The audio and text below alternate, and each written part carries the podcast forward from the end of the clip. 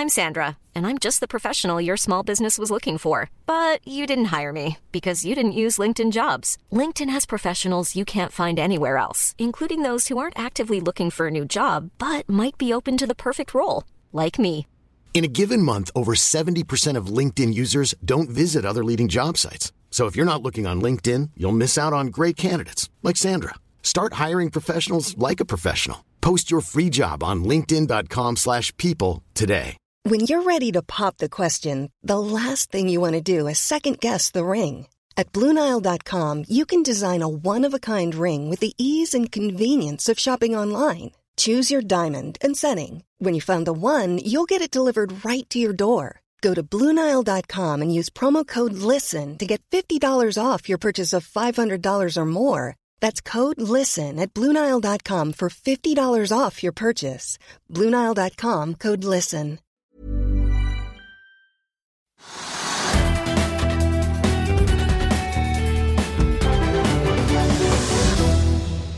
SV takker for seg og Fisketek tar av på børs. Det er onsdag 29.9.2021. Velkommen til Økonominyhetene. Vi skal komme tilbake til nyhetene fra Aqua Group straks, men først skal vi snakke om alt annet som har skjedd i dag.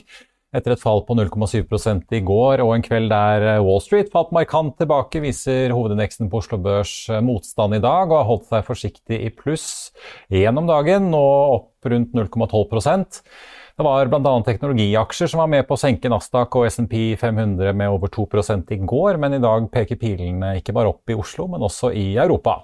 Oljeprisen er opp igjen etter et lite tilbakefall i går. Nordsjøoljen er opp 0,45% til 78,5 dollar, og den amerikanske lettoljen er opp 0,7 Flyselskapet North Atlantic har nå røpet hvor de skal fly i USA. Det kom nemlig frem i søknadspapirer fra flyselskapet som amerikanske Pax Aero fikk tak i. Det nye langdistanseselskapet dropper nemlig JFK og velger heller Stewart-flyplassen i New York. Og Ontario, og da snakker vi ikke om Canada, men Ontario, California istedenfor LAX. I tillegg skal flyselskapet fly til Fort Lauderdale, som altså blir destinasjonen i Florida. I et intervju med Finansavisen sier gründer og sjef i Norse, Bjørn Tore Larsen, at han ikke utelukker andre destinasjoner fremover, men han peker på at disse mindre flyplassene både har lavere kostnader og er langt mer tidseffektive for passasjerene enn de store flyplassene LAX og JFK. Første avgang bekrefter han blir fra Oslo. Aksjen var ned eh, så mye som 2,5 tidligere i dag, nå rundt 1,5 ned til 15 kroner og 90. I tillegg har flyselskapet sluppet regnskapet sitt for andre kvartal. I og med at det ikke er noe fly i luften enda, så er det ikke akkurat så mye aktivitet å snakke om i regnskapet, men eh, regnskapet viser i hvert fall at eh, de fikk et bitte litt overskudd etter skatt på 0,7 millioner dollar, og at det er 150 millioner dollar per juni i banken. Trygve, eh, før vi kaster oss over markedet, kanskje vi skulle snakke om den store politiske nyheten i dag, nemlig at Audun Lysbakken tar med seg hele SV ut av regjerings... Eh, ja, det heter vel sonderinger foreløpig? Ja, det er jo ganske viktig og ganske spennende. Eh, og det overgår kanskje da nyhetene ute, det er jeg ikke sikker på, men, eh, men eh, Det ble i hvert fall sirkus oppe på Hurdalssjøen blant ja, andre journalisten i dag? Sirkus, ja, det ble veldig sirkus, så mye presse var det der. Og det som var jo poenget at etter frokosttider så forsvant da SV av gårde og sa at vi vil ikke fortsette drøftingene. Det blir da ingen regjeringsforhandlinger heller med SV, så det blir da Arbeiderpartiet og, Senterpartiet. Og det var, var, ikke helt ventet, faktisk. For det er såpass mye prestisje i det at man går i sånne sonderinger og forhandlinger. Og, og, ja, og, og Gahr Støre er jo en ganske dreven mann, da, har vært med lenge. Eh, eh, så man skulle jo tro at han ville få det på plass. Og sånn, I utgangspunktet visste hvordan det ville ende. Det gjorde han ikke. og det, det, De kom da til det punktet hvor SV ikke kunne godta jeg tror, vesentlig grad oljepolitikken. Og så var det andre, også andre punkter hvor SV da ikke ville gi seg, og Arbeiderpartiet ville ikke gi seg, og Senterpartiet ville ikke gi seg. og Da var liksom tyngden i favør av Arbeiderpartiet og Senterpartiet. Og SV gikk da ut uh, av de forhandlingene og kommer ikke tilbake. igjen. Det er ikke slik at de kommer tilbake i morgen. Nå skal de liksom danne en regjering med de to partiene. Uh, og, da, og da, Mitt syn på det der er ganske interessant. Det er ikke så veldig bra for business og finans. Og Det skyldes at hadde man fått SV inn i regjeringen sammen med Arbeiderpartiet og Senterpartiet, så ville det bundet SV ganske kraftig. altså Sannsynligvis ville det bundet det på lange tider. fordi at... Altså på skattepolitikk og olje? Ja, ja, men da, Poenget er det at når Støre da, og Senterpartiet legger frem et forslag, da, i Finansdepartementet, da, som da, hvem det nå blir, legger frem et forslag, og da er regjeringen at det skal vi gå for. Statsbudsjettet, andre ting, store investeringer, endringer, hva det måtte være. Oljefondstyring, hva, hva som helst. Når man i regjering fatter et vedtak, så må alle tre partiene bak det vedtaket stå bak det hele tiden. Du kan ikke gå ut og argumentere mot det i Stortinget dagen etter. Du kan heller ikke gå ut i pressen og argumentere mot det. Du er bundet opp ned, og det tror jeg hadde passet Gahr Støre ganske bra. for liksom, ok, SV er innenfor, diskutere og forhandle, vi gir dem litt, grann, det er liksom litt å gå på. Men så kommer et vedtak, og det kan Arbeiderpartiet og Senterpartiet stå for, og det kan regjeringen stå for. Og så er SV bundet utenfor regjeringen. Så vil jo nå SV måtte konkurrere med Rødt om å være det store opposisjonspartiet. Og MDG? Om alt mulig rart. ja, ja, også MDG. Også, du kan si at det blir tre partier som står utenfor og skriker og hyler at forskjellene ikke jevnes ut, at miljøet er skadelig, at man fortsetter med oljepolitikken, at man ikke gjør masse innen miljø og miljøpolitikken. Og så er det oljepolitikken. Altså, Arbeiderpartiet og Senterpartiet vil fortsette. De vil ikke stoppe letingen. Det vil de andre partiene. Så resultatet er jo gitt. Det blir som regjeringen sier, for de har jo flertall. Men det blir på en måte, man må da støtte seg til da den såkalte opposisjonen da, i Stortinget. Som da ikke er liksom de borgerlige partiene, men også er Rødt, SV og Miljøpartiet De Grønne. Og det blir hei, altså. Det blir masse bråk på Stortinget, uten at resultatene blir så veldig annerledes, men masse bråk. Og det kunne kanskje unn unngått hvis han hadde fått da regjering på plass med tre partier. Så er det ganske morsomt her at Senterpartiet har hele tiden sagt at de vil ha en regjering med to partier. Naturlig for oss å regjere sammen med Arbeiderpartiet i det skjæringspunktet mellom Senterpartiet og Arbeiderpartiet. Nå fikk han det akkurat som han ville, det ble to partier, men da han så snakket i dag, så var det liksom Ja, vi gjorde så godt vi kunne, vi ville hatt det med, og det ville vært best om det var med osv., men nå har de valgt, SSB, valgt å gjøre det, så får de bare gjøre det. Men, men altså, han fikk jo det som han ville, han, egentlig. Så, men for business Men ler han egentlig så godt til slutt, da? Nei, jeg tror, jeg tror han er litt bekymret. Men det blir jo da, blir jo da flere statsråder da, på Senterpartiet og flere statsråder på, på, på Arbeiderpartiet. og Senterpartiet får større innflytelse, klart. Eh, altså, De er jo egentlig et borgerlig parti. De kan ikke gjøre så veldig mye skade. Eh, I industripolitikken kan de ikke gjøre det, ikke i finanspolitikken heller. Eh, ikke i oljepolitikken. Men, men, så, så, så, men det er Hvis du spør liksom, hva er effekten for business og finans, så er det mer usikre tider. Høyere skatter, større avgifter. Fordi man har ikke SV på laget fra begynnelsen. så nå vil alt SV står for, alt det står for, det vil bli altså, prioritert ganske høyt i debatten i Stortinget og i omverdenen. I media hos oss og andre. Ja, så det er, det er en litt dårlig dag. Ja, altså, For Lysbakken også var ikke noe åpen dør her til å komme tilbake. Han sa rett og slett ut at uh, vi kommer ikke til å ha noen bindinger til en Ap-ledet regjering utover å være samarbeidsvillig på Stortinget. Det, Nei, det, er, det, er en ganske god oppsummering. Så han, så han, han parkerer jo egentlig dette ja, på godt. Det er ikke et behandlingsutspill, dette her. Nei, ja, det mener at liksom, det gikk ikke. Han har snakket med sitt eh, sentralstyre, tenker jeg. De skulle også ha det resultatet de eventuelt kom frem til, skulle de ha på avstemning hos medlemmene. Noe jævlig surr, men altså, det skulle de ha. Men dette gikk ikke som SV trodde. Det ble mye tøffere, det ble en mer konservativ politikk. Det ble ikke den radikale politikken innen miljø. Det ble ikke den radikale politikken i oljepolitikken. Og da brøt de, og de kan da ikke komme tilbake om en uke eller måned eller to. Altså, om to år kanskje, hvis plutselig de sitter på Stortinget og det er et eller annet som kommer opp, og så sier man at de som kan ikke nå på den regjeringen vi snakket om, SV, Arbeiderpartiet og Senterpartiet. Litt som Erna gjorde, og til slutt fikk inn alle fire? Ja, ja Sånn så, så kan man få det til. ikke ja. sant? Det, det, men da, da, da, ser du ganske langt frem. Jeg tipper at statsbudsjettet kommer den 12. Kommer et nytt statsbudsjett. Det må være preget av Arbeiderpartiet og Senterpartiet. Uten SV og uten Rødt. De vil mase og hyle og skal forandre alt mulig rart. og Øke skattene, øke avgiftene og ta de rike. og altså Man skal stå på som arrakkeren. Alle vilkårene for business blir dårligere. Eh, om, det så, om, det får stor betydning for sluttresultatet, det er jeg i tvil om. Men det blir mye styr og mas, og det er ikke bra.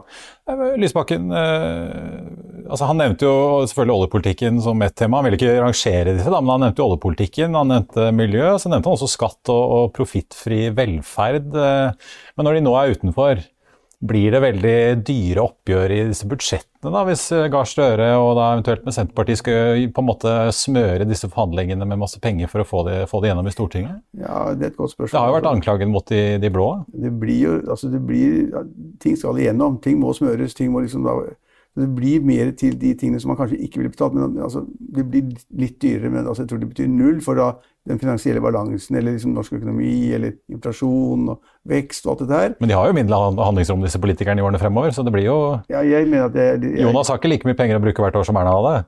Jeg mener det, men det er, det er en helt annen, stor, annen debatt. Men, så, jeg, så, jeg, er ikke så veldig bekymret for det, faktisk. Det, er, eh, det vil bli debatt om eh, marginale beløp i forhold til totalen hele tiden. Så ja, det er jeg, er bekymret, jeg, er mer bekymret for den offentlige debatten, hvor da på en måte de, altså SV har jo sagt, og Lysbakken har sagt, at vi skal ta til, altså vi skal slå til. Vi skal ikke liksom holde pent igjen. Nå skal de virkelig ta næringslivet. Ikke tenker ikke på enkeltpersoner. Vi vil gjerne ta Hagen selvfølgelig og et par andre, men, og Witzøe, men, men, men, de vil stå på. altså De skal skru til, for nå har de ikke noe ansvar. Nå har de ikke noe ansvar. De kan bare stå i Stortinget og si skru til, ta de der jævlene der. Hvis da marginalskatten ligger i dag på 46 hvis de sier at den skal ligge på 49 eller 50 eller 51 så, så, så blir det mye styr ut av det før da Arbeiderpartiet klarte å rote ned sammen med Senterpartiet. Så, ja. Ja. Jeg, jeg, jeg, er bekymret over på, på grunn av den offentlige debatten man vil få, som kan bli ganske usaklig.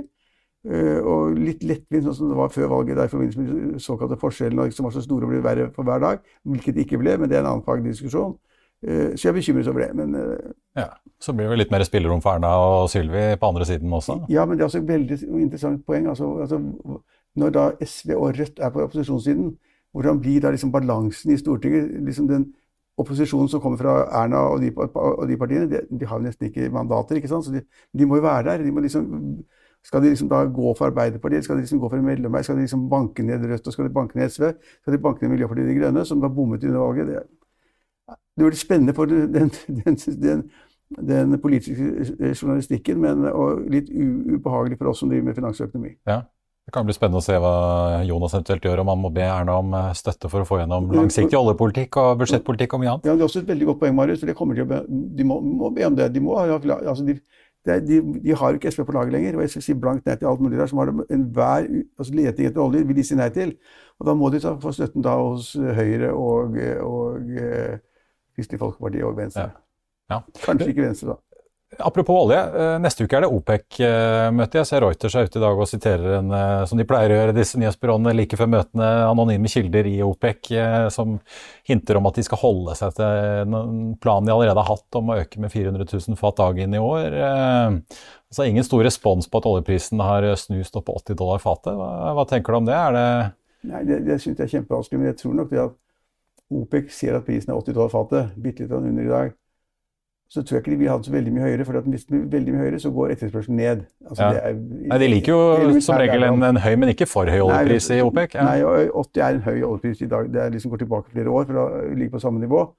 Så jeg tror nok de vil slippe opp de produksjonstilbud, altså på tilbudssiden det de har sagt tidligere. Jeg, ikke, jeg, jeg, ser ikke for meg at oljeprisen raser i 90 eller 100 dollar på fat. For da, da, spre, da, da blir masse etterspørsel borte, og da, tar, så faller prisen igjen så er det vanskelig for OPEC å bygge det opp igjen. så De, de ligger ganske godt til nå. så jeg, ja, jeg, jeg, tror de har sagt at de skal på en måte øke tilbudssiden altså, med så og så mye per måned. Det kommer de til å gjøre, tror jeg. Og så, har man hatt større forstyrrelser i Mexicogolfen enn man trodde egentlig. Så det tar lang tid før den Ida-reaksjonen kommer på plass. Orkanen, ja. ja, det tar mer tid for det, og så er det andre ting som ikke passer helt. og det, Man får ikke helt til. så så Oljepolitikken har vært litt ute av kontroll. Og så er det da på en måte gassprisen enorm stigning, ikke sant? og så smitter det opp på oljeprisen. De har vært heldige for dem. Men, men jeg, jeg, jeg, innbiller meg det at uh, i området over 80 dollar på fat, så vil OPEC på en måte være ganske snille og legge opp til at man får en såpass stor produksjonstilskudd at man holder prisen på det nivået. Eller kanskje litt høyere, men det er, det er anybody's guess. Jeg, jeg, kan ikke si noe. Men, men Marius, vi begynte med Norge. Ja. Men, men jeg syns det er ganske mye skummelt skal jeg ta et par, par faktorer, ganske skummelt det som skjer rundt oss.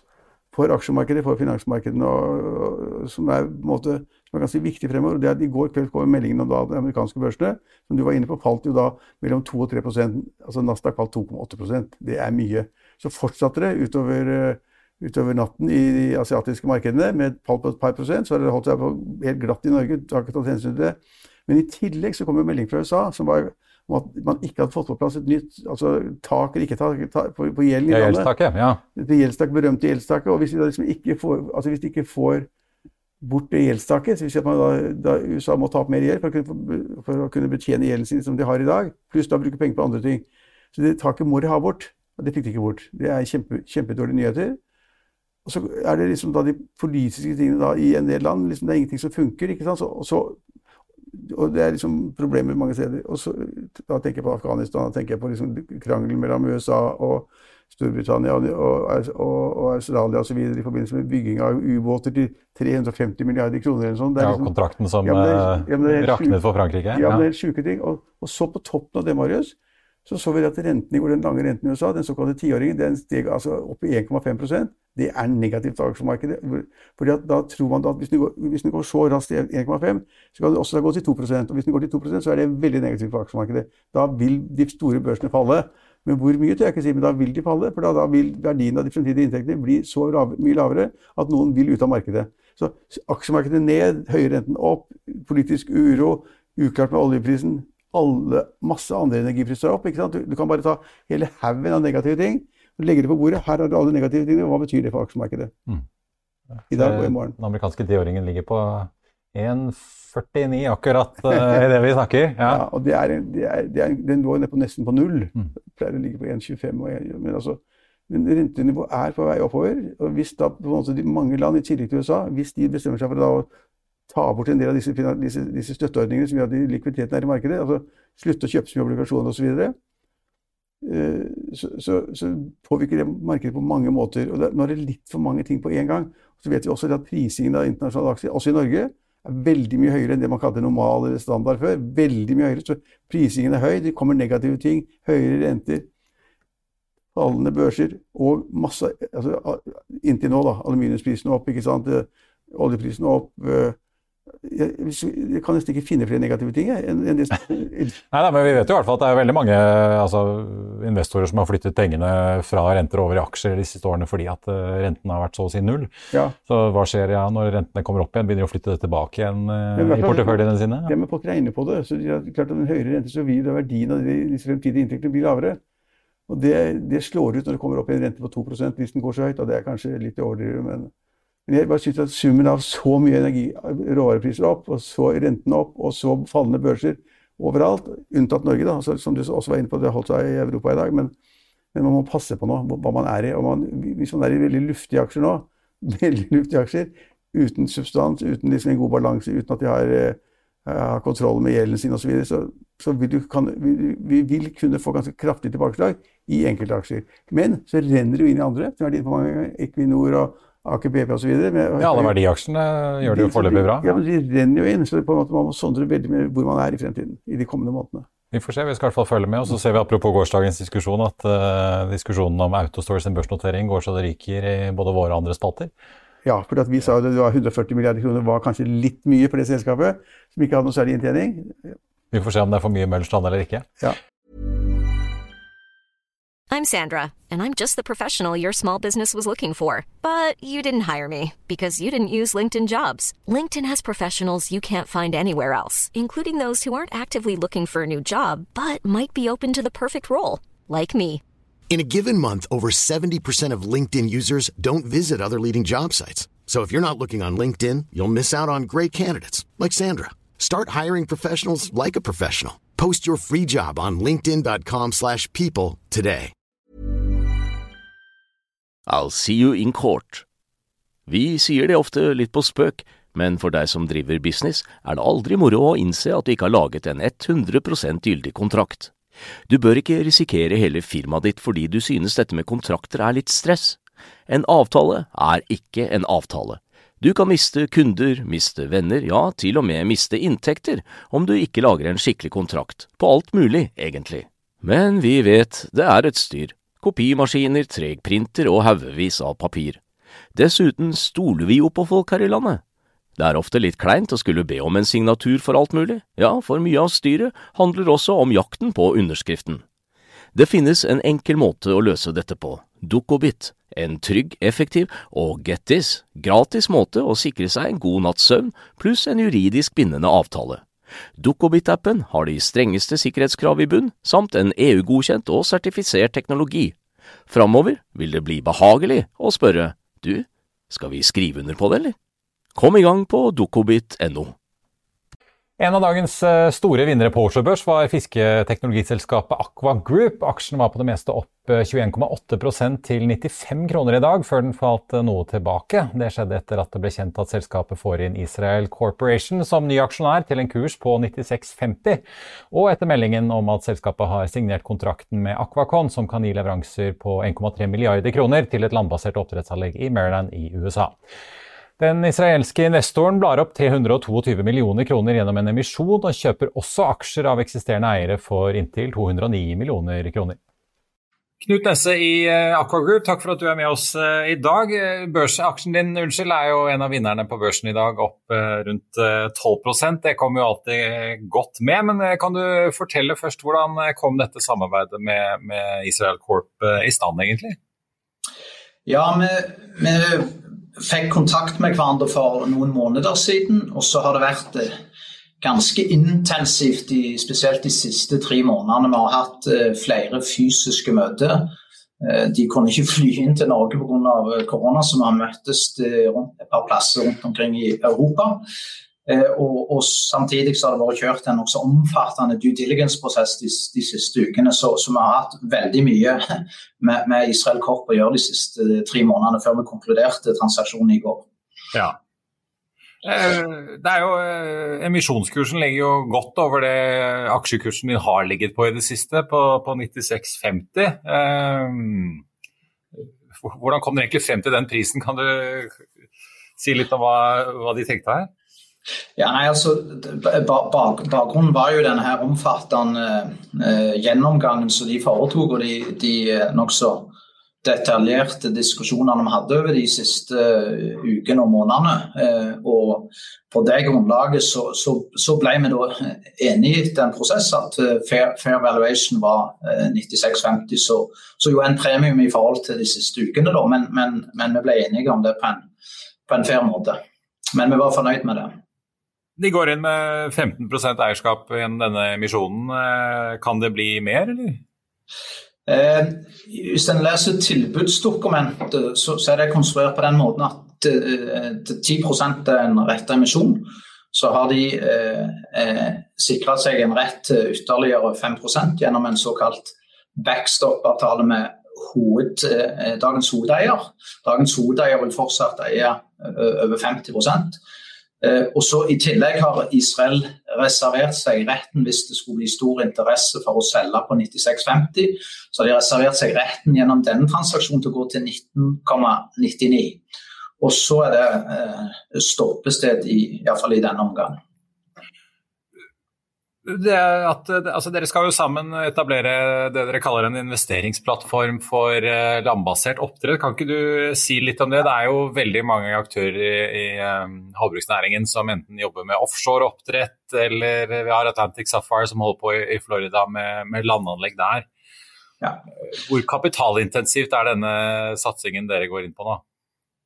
Eh, det, det er veldig kapitalintensivt. Hvis, et eksempel, hvis du skal bygge et anlegg for å produsere 10 000 tonn med laks eh, på land, eh, så må du som en tommefingerregel investere ca. 2 milliarder norske kroner. Så det er veldig kapitalintensivt.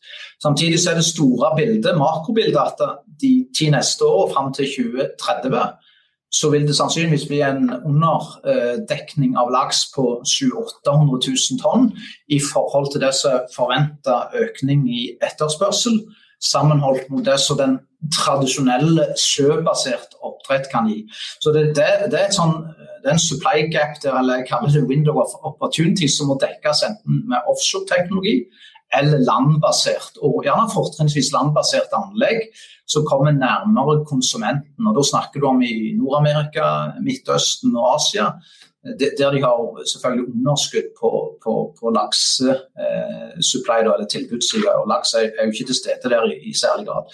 Så, så, vi tror at disse landbaserte anleggene for, for uh, voks, eller matfisk, altså laks på 4-5 kilo, eh, eh, kommer framover. Eh, og, og, det er kapitalkrevende. Derfor syns vi det er bra å få tilgang til internasjonal risikokapital utover, utover den norske kapitalmarkedet. Det norske kapitalmarkedet alene vil ikke klare å løfte dette. Du, altså, dere har jo holdt på med, med, å levere til landbasert uh, oppdrettsanlegg uh, i en god del år nå. Uh, nå meldte dere jo også i dag om altså Dere skal jo levere til et anlegg i Maryland i USA. og Det henger jo for så vidt også sammen med din nye eier. Kan ikke du forklare litt sammenhengen der? Jo, eh, det som er meldt i dag, er at vi har inngått en eh, kontrakt med det norske selskapet Aquacon AS, som skal investere eh, i et anlegg på 16 000 tonn med matfisk, altså slakte eh, klarfisk på 4-5 kilo. Og, og, og, vår kontrakt her er på 150 millioner dollar, og det er vi som skal levere eh, RAS-teknologien, altså resirkuleringsteknologien som en trenger for, for, å kunne produsere fisk eh, på land. Så det er jo en, den absolutt største kontrakten i, i, i, vår historie. Den forrige var på 500 millioner, så det er jo en eh, jeg kan ha sagt en gledens dag i, i vårt selskap i dag. Til slutt, eh, kan Du si litt om, altså du snakket jo om at du forventer nesten en underdekning i markedet her fremover. Det, er, det har vært diskutert mye konkurransedyktigheten enten til landbasert eller offshore oppdrett versus tradisjonell oppdrett. Hva, hva, tror dere selv? Tror dere at det er plass til alle, eller eh, kan noen vinne på bekostning av andre her fremover av disse ulike veiene man kan gå? Jeg er personlig overbevist om at i, i tiårsbildet så er det plass til eh, alle. Og, og det skyldes at eh, vi antar en etterspørselvekst på 5% årlig. Og det klarer ikke dagens eh, sjøbaserte oppdrett i, i Norge og, Chile å holde tritt med. Derfor så blir det en underdekning på så mye som 800 000 tonn eh, inn, inn, mot 2030. Og, og, og, landbasert vil klare en del, men, men faktisk ikke så mye. Så, så vi, vi, mener bestemt det er rom for de ulike eh, produksjons- og teknologiplattformene i et tiårsperspektiv. Da du et 20-30-årsperspektiv, så, så, så, så, blir det helt annen, en helt annen diskusjon. og Da får en se inn i krystallkula hva, hva som blir eh, endelig vinnerteknologi. Men i, i et 10-15-årsperspektiv så er det plass for alt. Knut Esse i Aquagroup, takk skal du ha. Jo, hyggelig. Takk for at jeg fikk komme. I eh, avisen i morgen kan du lese Trygve Egnars leder om Senterpartiets doktor Lundteigen, som er back in business. Du kan lese børsintervju med CMC-sjef Henrik Sommerfelt, og om Norges humordronning, som har pøst penger inn i aksjemarkedet. På tampen tenkte jeg bare å oppdatere dere litt på eh, markedet. Oslo Børs var så vidt innom rødt her i sted, men eh, ligger nå opp 0,07% Opp er også indeksene på Wall Street, som henter seg inn etter gårsdagens nedtur. Dow Jones er opp 0,42 Nasdaq opp 0,85 og SMP 500 ligger rett under 0,6 eh, opp. I tillegg eh, ser vi at det er eh, fart i komplettaksjen i dag, som er opp 2,5 etter at DNB Markets var ute med en kjøpsanbefaling på 90 kroner aksjen. Komplett ligger på litt over 60, så det er en betydelig oppside som meglerhuset ser der. Og de eh, viser bl.a. til det finske selskapet som heter så mye som Verku Verko Kaupa, som hadde kapitalmarkedsdag i dag, som DNB Markets mener har eh, ganske store sammenfall med Komplett, altså. Det var det vi hadde for i dag. Vi er tilbake i morgen klokken 15.30, hvor vi bl.a. skal se nærmere på hvordan norske bedrifter egentlig er på vei mot å nå klimamålene i 2030, og hvordan de store konsernene går frem for å få leverandørene sine til å kutte. Takk for at du så på. Vi er tilbake i morgen. Håper vi ses igjen da.